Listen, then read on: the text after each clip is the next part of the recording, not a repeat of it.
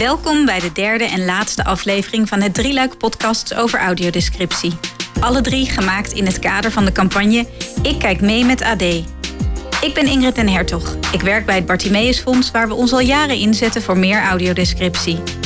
In de vorige afleveringen lieten we je horen hoe audiodescriptie gemaakt wordt en wat het gebruik van AD betekent voor mensen met een visuele beperking. Met de campagne willen we zoveel mogelijk mensen kennis laten maken met audiodescriptie. Wat is het? Waar wordt het zoal toegepast? En wat willen we nog bereiken? In deze aflevering inventariseren we de stand van zaken. Wat is er al bereikt? Wat is de verwachting op korte termijn? En voor welke toekomstwensen willen we ons nog flink hard maken?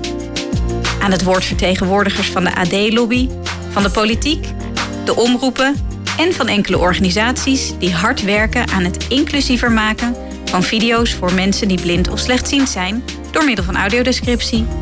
Eerst nog even kort. Wat is audiodescriptie?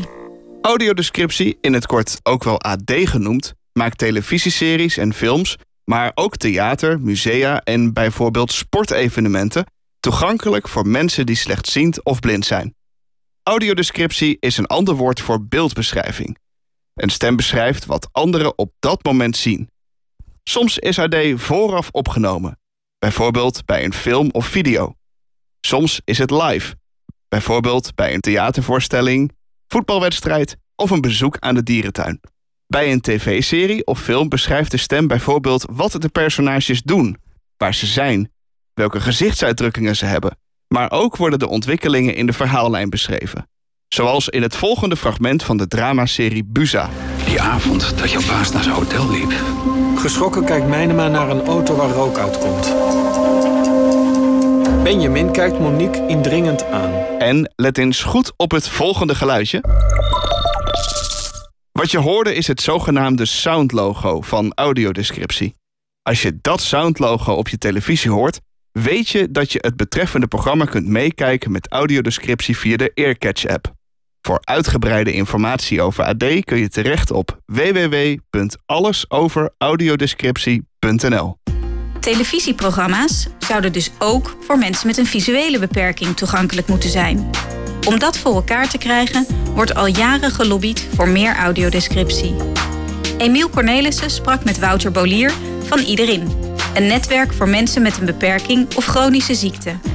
En met Aniek de Lange van het Bartimeus Fonds en maakte daarvan het volgende verslag. Allereerst de vraag aan Wouter Bolier wat er tot nu toe bereikt is op het gebied van AD.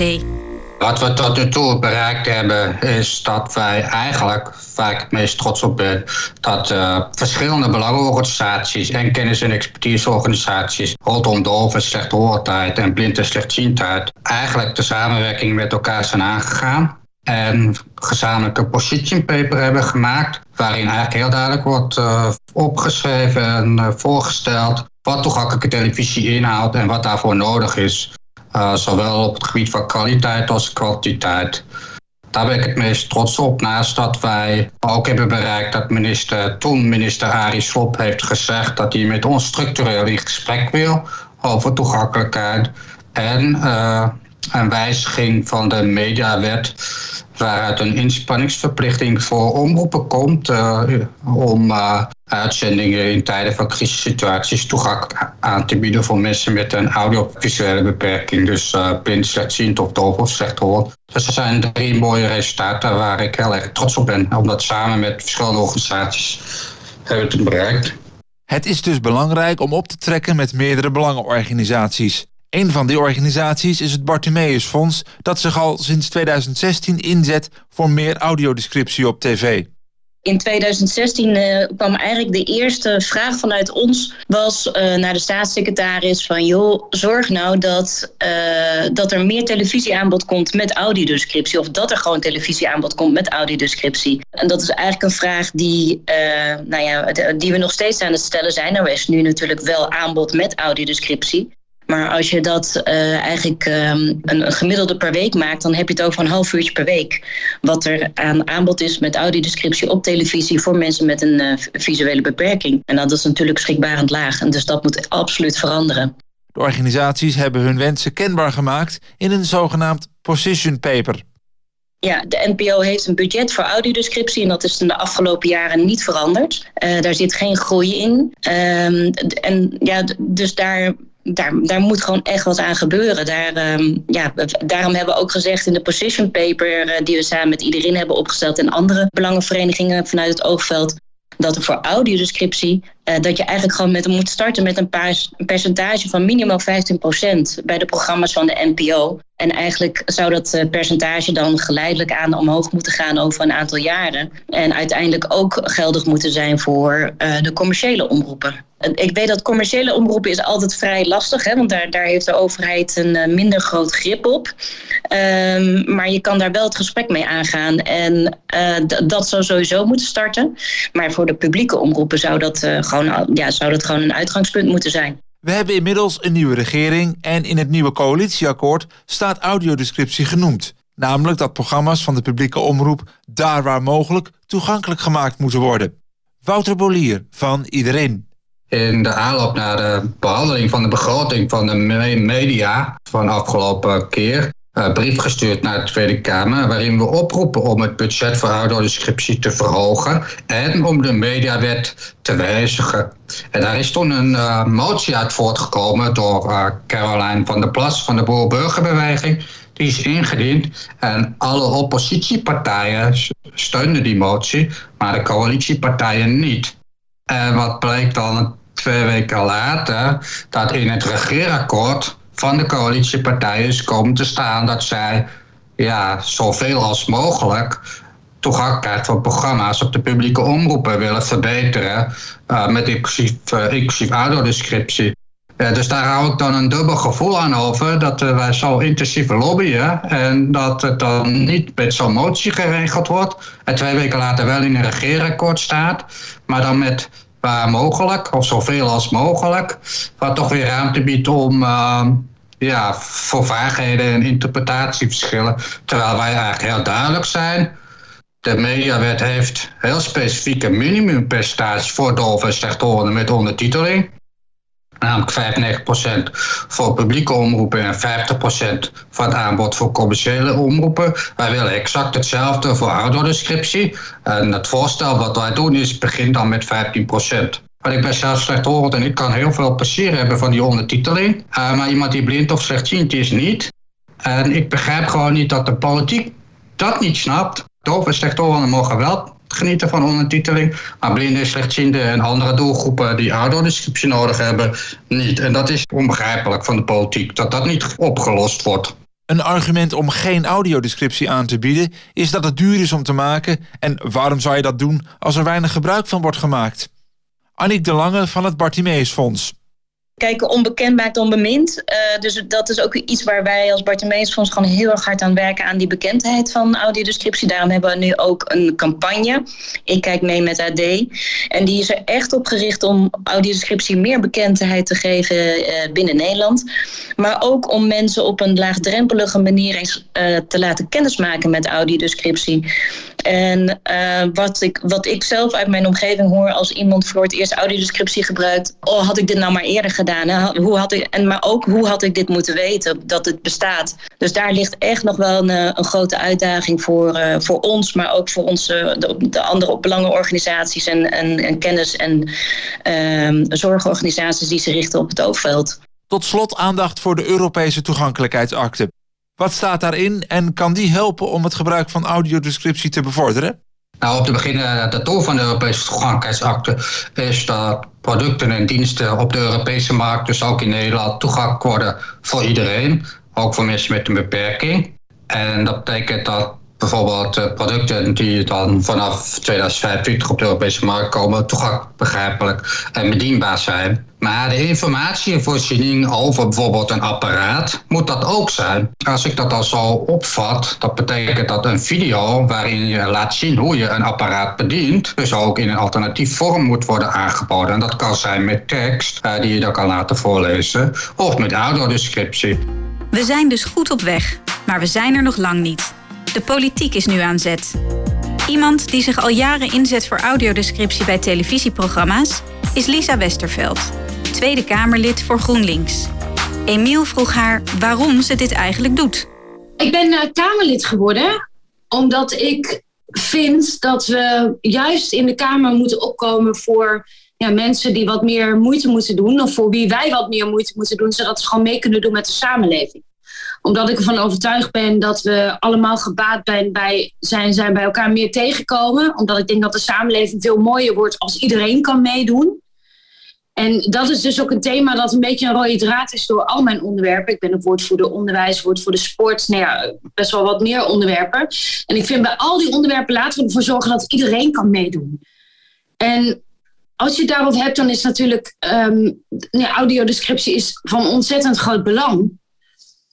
En ik denk een reden waarom ik het met name ja, voor het eerst zelf ervaarde was inderdaad toen uh, onder andere bij ons langskwam en ons zelf liet ervaren wat audiodescriptie is.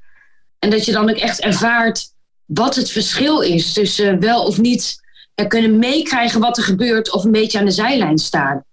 Ja, dus, dus, dus het is gewoon van belang dat het er komt. Maar het is er, uh, ja, het is er wel. Het wordt steeds ietsje meer. Maar het is er nog lang niet dat wat het zijn moet. Uh, iedereen en uh, Bartimeus zeggen elders in de podcast ook... we zouden eigenlijk gewoon een aanpassing willen van de mediawet... zodat er een minimumpercentage komt. zij zeggen 15% en dan zou het eigenlijk steeds meer moeten zijn. Ja, um, waarom is dat percentage er nog niet? Ja, toch heb je, je hebt gewoon te maken met onwil en met geld.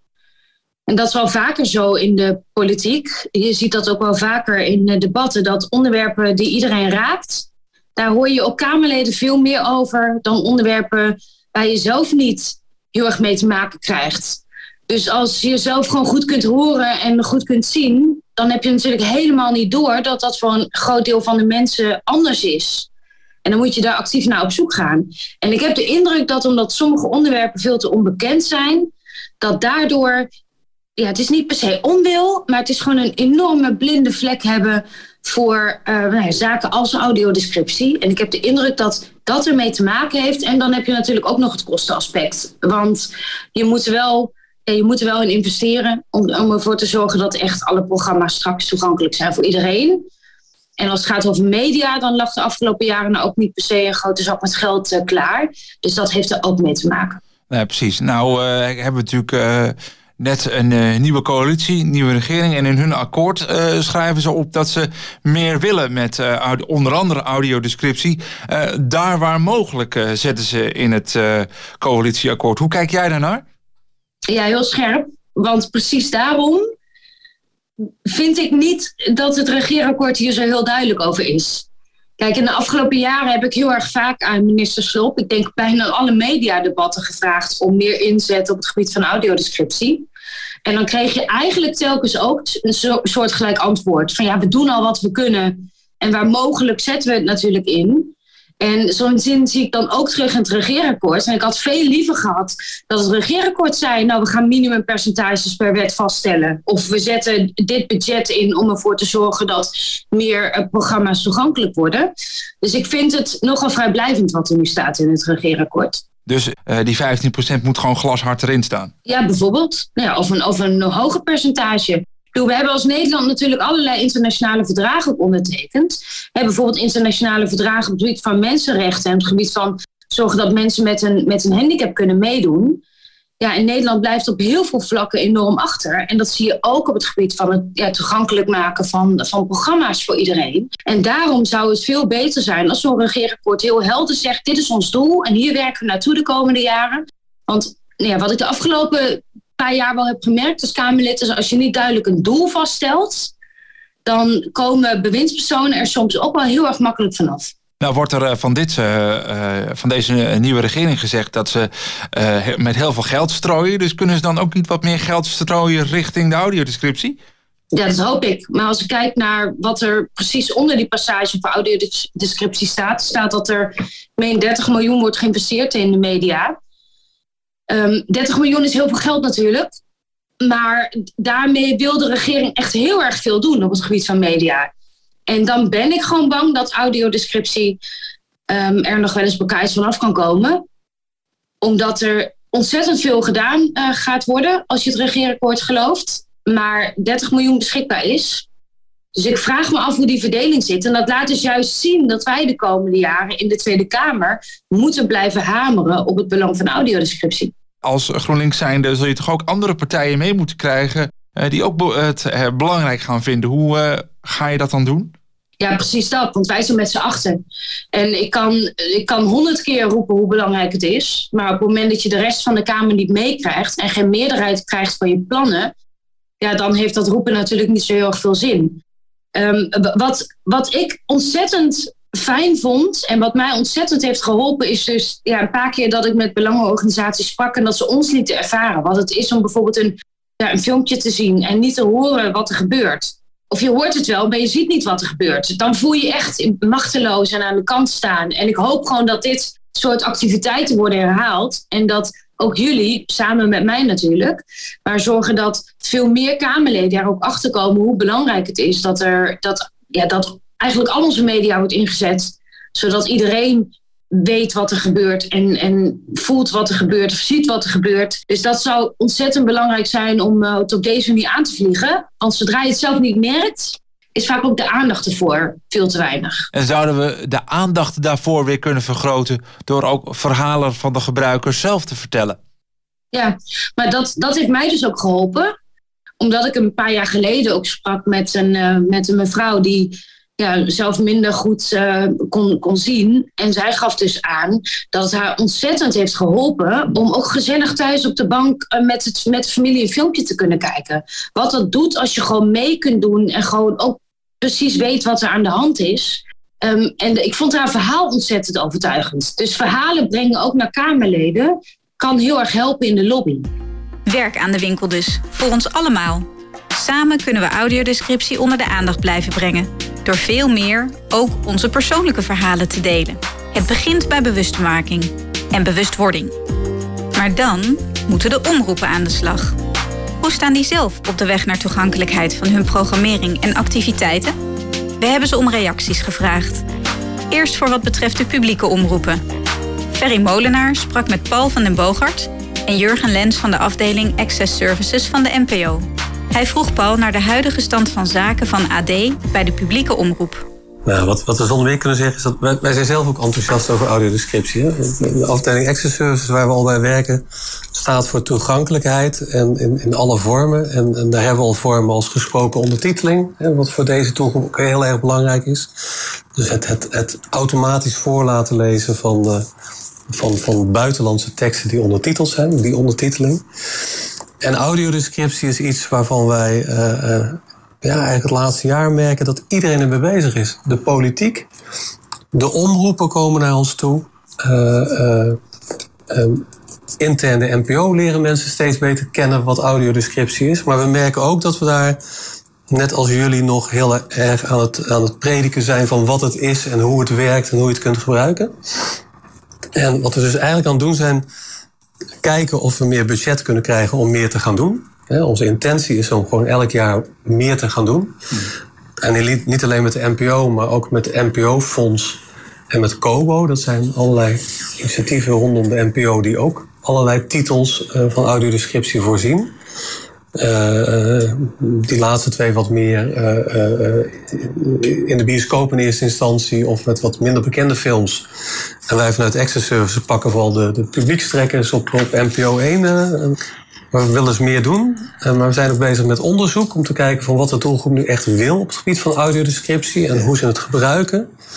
Dus ja, 2022 moet eigenlijk voor ons het jaar van audiodescriptie worden. Ja, ja. dat klinkt uh, uh, goed. Um, wat is jullie eindstreven of welke volgende stap zou daarbij gezet moeten worden? Nou, als, als eindstap zeg ik even heel zwart-wit, maar dat komt omdat je het ons vraagt. Hè? Bij Access Services zouden wij alles van alles willen. Elk programma ondertiteld, elk programma gebarentolk, elk programma audiodescriptie. Als dat past. Hè? Er zijn ook programma's waar het niet past. Ja. Maar je moet ook realistisch zijn dat je daar uh, uh, geld voor moet krijgen, moet hebben. Dus bij audioscriptie is ons plan om er elk jaar gewoon iets bij te doen. Wat titeltjes erbij. En Jurgen? Wij vinden het wel belangrijk dat als we een serie eenmaal gestart zijn... te doen met audiodescriptie, dat we dat dan ook het liefst wel blijven doen. Is bij jullie bekend hoe ver andere landen zijn op dit punt? Loopt Nederland dan juist voor of achter? ik heb wel eens gesprekken gevoerd met andere Europese publieke omroepen. En dan heb ik de Earcatch-app genoemd. Uh, gewoon de hele technologie die erachter zit. En daar reageren mensen uh, vaak heel enthousiast op. Omdat het grote voordeel van de app Earcatch is dat je als persoon met een visuele beperking dan als enige de audiodescriptie kunt beluisteren door de oortje in je oor te hebben. En dat de rest van het gezin niet hoeft mee te genieten, mee te luisteren met de audiodescriptie. En dat is, voor zover ik weet, nergens in Europa verder mogelijk. Die bieden altijd de audiodescriptie aan, zodat iedereen, uh, ja, behalve natuurlijk als je op je eigen tablet aan het luisteren bent, naar een kanaal waar de audiodescriptie wordt uitgezonden. Maar als je met je gezin hè, in de huiskamer luistert naar een film, kijkt naar een film, dan wordt de audiodescriptie is voor, die is voor iedereen hoorbaar dan. En dat daar zijn we dus uniek in, naar mijn weten. Ja, en dat is best bijzonder eigenlijk, dat we dat hebben in Nederland. Jullie zeiden net al even, wij willen uh, alles toegankelijk maken waar mogelijk. Um, wat hebben jullie nodig om dat voor elkaar te krijgen? Ja, weet je wat, wat, wat het is een beetje een, een, een wisselwerking. Hè? In de politiek zijn natuurlijk ook heel veel mensen die zeggen... we willen meer audiodescriptie. Wij vanuit Access Services... ja, wij zijn er voor toegankelijkheid, dus we zouden dat heel graag willen. Maar wij zijn natuurlijk ook een onderdeel van een NPO... die, die, die een pot geld krijgt elk jaar. En dat moet verdelen over een heleboel doeleinden. Uh, en daarin ook keuzes maakt. Dus dat, dat is een beetje een wisselwerking... waarbij wij als Access Services zeggen van... nou, we moeten echt wel weer wat titels erbij doen. Waarbij de politiek ook zegt van goh, we vinden het heel belangrijk. En waarbij een raad van bestuur van de NPO ook zegt. We vinden het belangrijk. En op een gegeven moment is dat dan een wisselwerking. Komt het uit budget NPO? Heeft de politiek meer budget beschikbaar?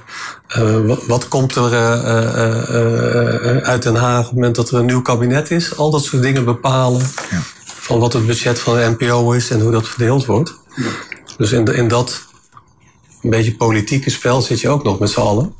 Maar toch klinkt het wel positief, alsof er wel een, een positieve beweging op gang gekomen is, of in elk geval aan het komen is. Hebben jullie dat, hebben jullie dat gevoel ook? Ja, dat gevoel hebben wij wel. Ja.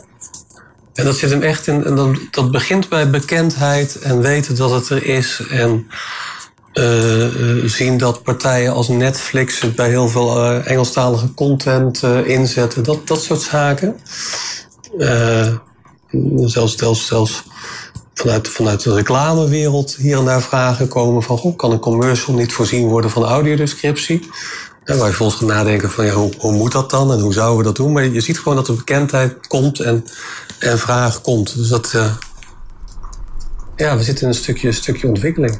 Nou, misschien is het wel leuk om nog even de passion ja. te, te benoemen. Want, want de passion is een variant waarbij we een programma eigenlijk van tevoren al kennen van wat er gebeurt. Hè, want bij de Passion zijn een aantal delen ook opgenomen. Um, en een deel is live. Het wordt aan elkaar gepraat door een presentator. En wat we bij de Passion hebben gedaan, is dat radio ingezet is om daar de audiodescriptie te laten horen.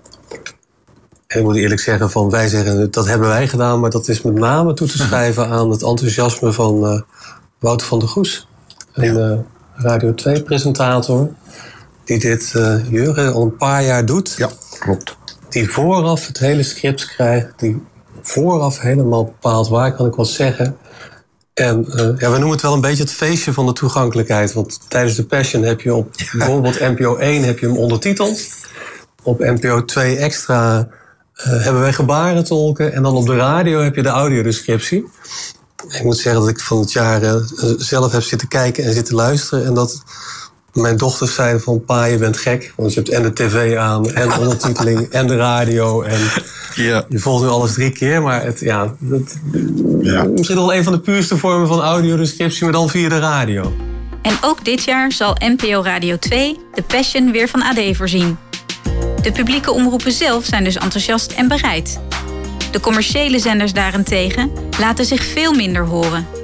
Hoe staat het bij hen voor wat betreft toegankelijkheid en dan specifiek audiodescriptie?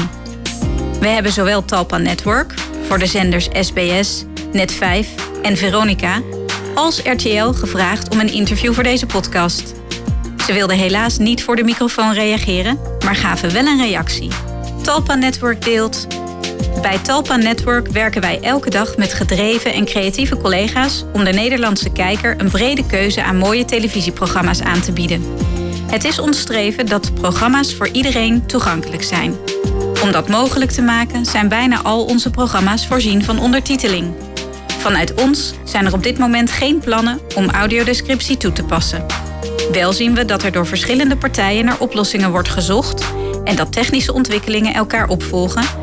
Die volgen we met grote interesse.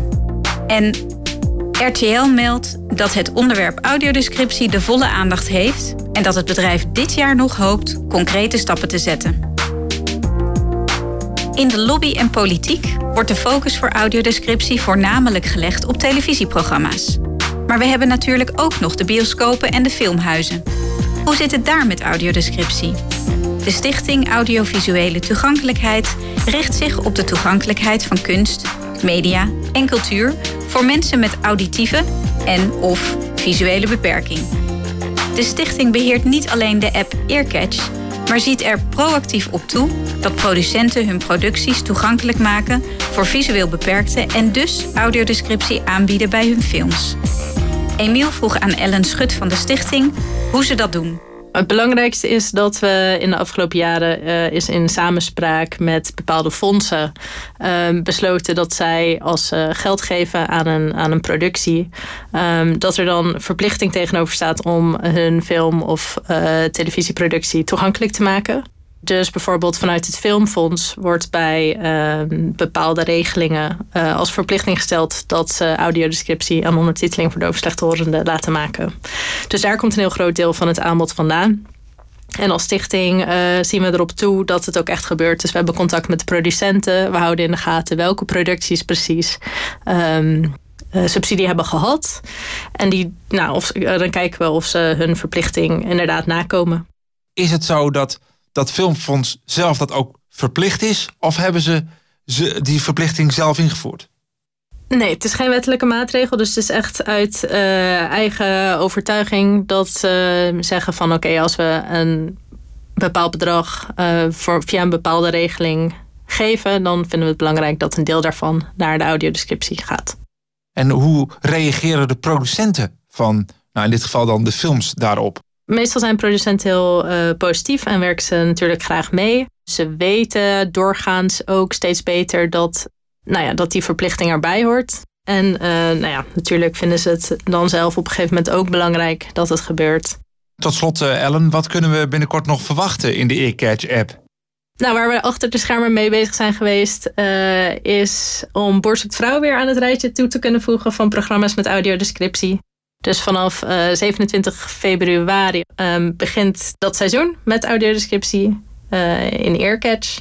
Dus dat is iets om naar uit te kijken. En uh, nou, er komt ongetwijfeld nog veel meer aanbod aan dit jaar. Wat allemaal terug te vinden zal zijn in onze nieuwsbrief, op onze social media en op de website. Naast televisie en film zijn er natuurlijk nog de online video's, die bijvoorbeeld via sociale media of websites worden gepubliceerd. Het is een nog altijd groeiend communicatiemiddel voor veel organisaties en bedrijven. Voor overheidsorganisaties is het al verplicht om online video's toegankelijk te maken, bijvoorbeeld door middel van ondertiteling en audiodescriptie. Maar dit is slechts een topje van de ijsberg. Het internet staat vol met video's die nog geen audiodescriptie hebben. Scribit Pro is een van de bedrijven die online video's toegankelijk maakt. Ferry praat met Eveline Verwerda, de oprichter van Scribit Pro. Hoe is de situatie op dit ogenblik als het gaat om online video's? De huidige wetgeving is alleen gericht op overheid en semi-overheid. Uh, als het gaat om uh, toegankelijk zijn van de website. Uh, video is daar een integraal onderdeel van. Dus onder de huidige wetgeving moet een video um, ondertiteling hebben. een, een, een tekstalternatief. En een audiodescriptie, als daar uh, noodzaak voor is, hè, dat je het zonder audiodescriptie niet kan volgen.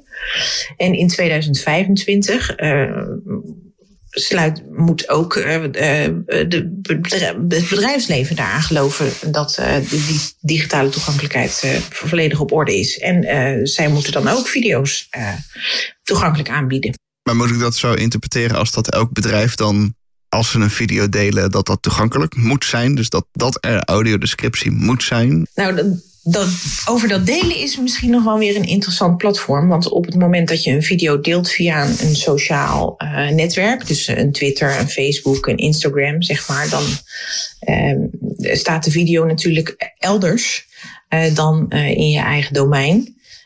volgens mij werkt het zo dat je het met name op je eigen website, op het moment dat je daar content aanbiedt, moet je toegankelijk zijn. Maar kom ik er dan mee weg om een YouTube-video te, in te sluiten. Te zeggen, hij staat niet bij mij op het platform. Ja, want zo is het eh, voor sommige gemeentes uh, spijtig genoeg, of, of andere overheden ook nog. Dus op het moment dat je verwijst naar een video, en de video staat dus niet op je website, maar je, plaatst een link van kijk op YouTube mijn video, valt die video niet onder de toegankelijkheidsregels. En dat is natuurlijk een beetje flauw. Maar dat is nu wel ja, hoe, hoe je er onderuit kan, als het ware. Hoe zou je zo'n probleem op kunnen lossen en wat voor rol zou Scribbit Pro daarin kunnen spelen? Nou, ik hoop heel erg dat YouTube heeft eind vorig jaar aangekondigd dat ehm, zij ook een extra audiospoor gaan aanbieden. Daar zijn ze nu mee aan het extra, experimenteren. Maar als YouTube zelf dus toegankelijker zou worden. Dus dat de infrastructuur die wordt gebruikt volledig kan worden benut om een video 100% toegankelijk aan te bieden. Ja, dan zou dat het leven uh, een stuk eenvoudiger maken, omdat het zo'n populair en gebruikt netwerk is. En dan kan elke video die YouTube aanbiedt, kan in principe toegankelijk zijn. En daarmee allerlei belemmeringen om het niet te doen, ja, die vallen dan weg. We willen dat gebruikers zo makkelijk mogelijk maken. Dus als je productie hebt straks in uh, Scribit Pro, dat je dat direct op YouTube kan plaatsen. Ja, steeds meer faciliterend richting uh, ja, dat je als je een video maakt in de productie, zorgt dat die toegankelijk wordt gepubliceerd. Hoe zien jullie de toekomst van Scribit Pro zeg over een jaar of vijf? Nou, ik voorzie wel een enorme groei voor Scribbit. Omdat uh, er zijn dus, en die, je zegt, uh, die, wet, die wetgeving die, die komt eraan. Uh, hopelijk kunnen we dusdanig groot worden, groter worden als bedrijf.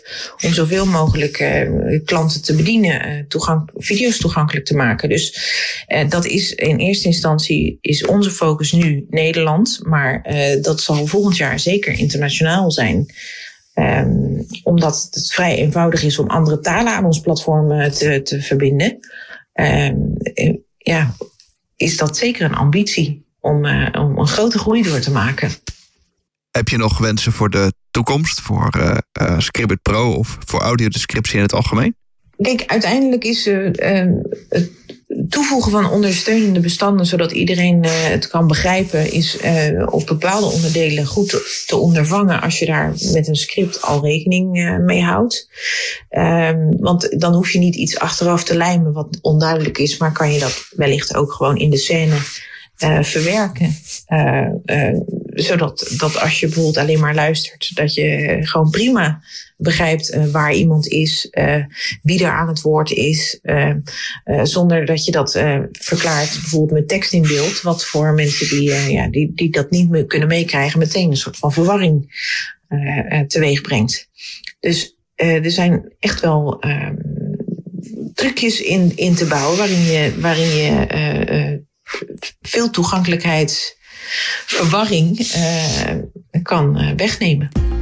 Een geheel andere toepassing van audiodescriptie is die voor lesmethodes. Steeds vaker wordt hierbij gebruik gemaakt van videomateriaal. Dedicon is een organisatie die lesmethodes toegankelijk maakt voor leerlingen en studenten met een visuele beperking. Zij werken aan een systeem om video's die onderdeel zijn van deze lesmethodes te voorzien van audiodescriptie. Dat gaat niet zonder uitdagingen. Ferry sprak met Marian Oosting van Dedicon en vroeg haar wat zijn deze uitdagingen precies? Wat in de praktijk bij educatieve video's heel erg tegenvalt. De informatiedichtheid in zo'n video is vaak heel groot. Dus uh, het is vaak lastig om daar nog uh, audiodescriptie aan toe te voegen. En wat het nog lastiger maakt en ook in de doorlooptijd langer kan maken, is om het videomateriaal daadwerkelijk in handen te krijgen. Want het is videomateriaal dat niet zomaar bijvoorbeeld op YouTube te vinden is. Of, of, maar je moet het van een uitgever krijgen. En niet alle uitgevers, en zeker de kleinere uitgevers uitgevers, educatieve uitgevers, waar we niet zo vaak mee werken, daar moeten we eerst duidelijk uitleggen wie we zijn en wat we doen. Dus dan kan het soms nog wel eens heel problematisch zijn om die video, om het videomateriaal te krijgen, wat we uiteindelijk kunnen bewerken. als ik je zo hoor, dan kan ik me ook wel eens voorstellen dat het buiten jullie macht om ook wel eens niet lukt. Dus. Ja, ja, helaas wel. Ja. Er zijn, uh, ja, de meeste uitgevers uh, zijn heel welwillend en proberen aan alle kanten uh, mee te werken. Maar we hebben, het, we hebben het ook wel eens meegemaakt dat een uitgever dat een methode gewoon niet van on, via ons bereikbaar is om, om het videomateriaal te bewerken. En dan, ja, dan moeten wij helaas tegen de leerling aangeven, ja, moeten we zeggen dat we, het, dat we die video niet toegankelijk kunnen maken. Zijn er andere wensen bij jullie waarvan je zegt van nou dat zou ons heel erg kunnen helpen in het productieproces? Wat natuurlijk al redelijk dichtbij komt, is uh, de Europese toegankelijkheidsakte. Die wordt, uh, daar wordt op dit moment aan gewerkt om die in Nederlandse wetgeving in te brengen. En de, die toegankelijkheidsakte gaat ook gelden voor e-books. Alleen het is nog even de vraag of um, um, schoolmethode, digitale schoolmethode daar dan ook onder gaan vallen? Dat is nog even de vraag. Want dat zou dan betekenen dat vanaf 2025 nieuwe uh, uh, lesmethoden, als die als e-book worden uitgegeven of als, als digitale lesmethode worden uitgegeven, toegankelijk moeten zijn. Uh, en we zijn al, al geruime tijd met in ieder geval de educatieve uitgevers al in gesprek hierover. En we zouden natuurlijk het liefst zien dat uitgevers, en dat, daar streven we in samenwerking met de Mediafederatie uh, ook naar, en de, en de, educatieve uitgevers, dat uitgevers zelf vanaf het begin af aan hun eigen video al toegankelijk maken. En dat, dat is wel iets uh, wat meer en meer in de gesprekken naar voren komt, maar het, het is wel iets van de lange adem. Dat is niet van het een op het andere jaar helaas te realiseren. Dus daar, daar gaan nog wel een paar jaar overheen voordat dat echt de werkelijkheid is, denk ik. Wil je meer weten over dit project en wanneer het beschikbaar is? Kijk dan in de kennisbank van Dedicon. www.goedekennis.nl www.goedekennis.nl Met deze podcastserie hebben we je inzicht gegeven in de stand van zaken van audiodescriptie in Nederland. Het is duidelijk dat we door moeten gaan met de lobby richting de politiek.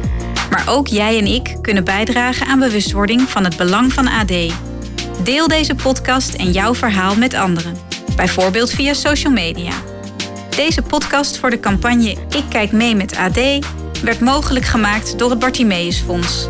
Wil je meer weten over audiodescriptie en het aanbod in Nederland? Kijk dan op www.allesoveraudiodescriptie.nl. Dus www allesoveraudiodescriptie.nl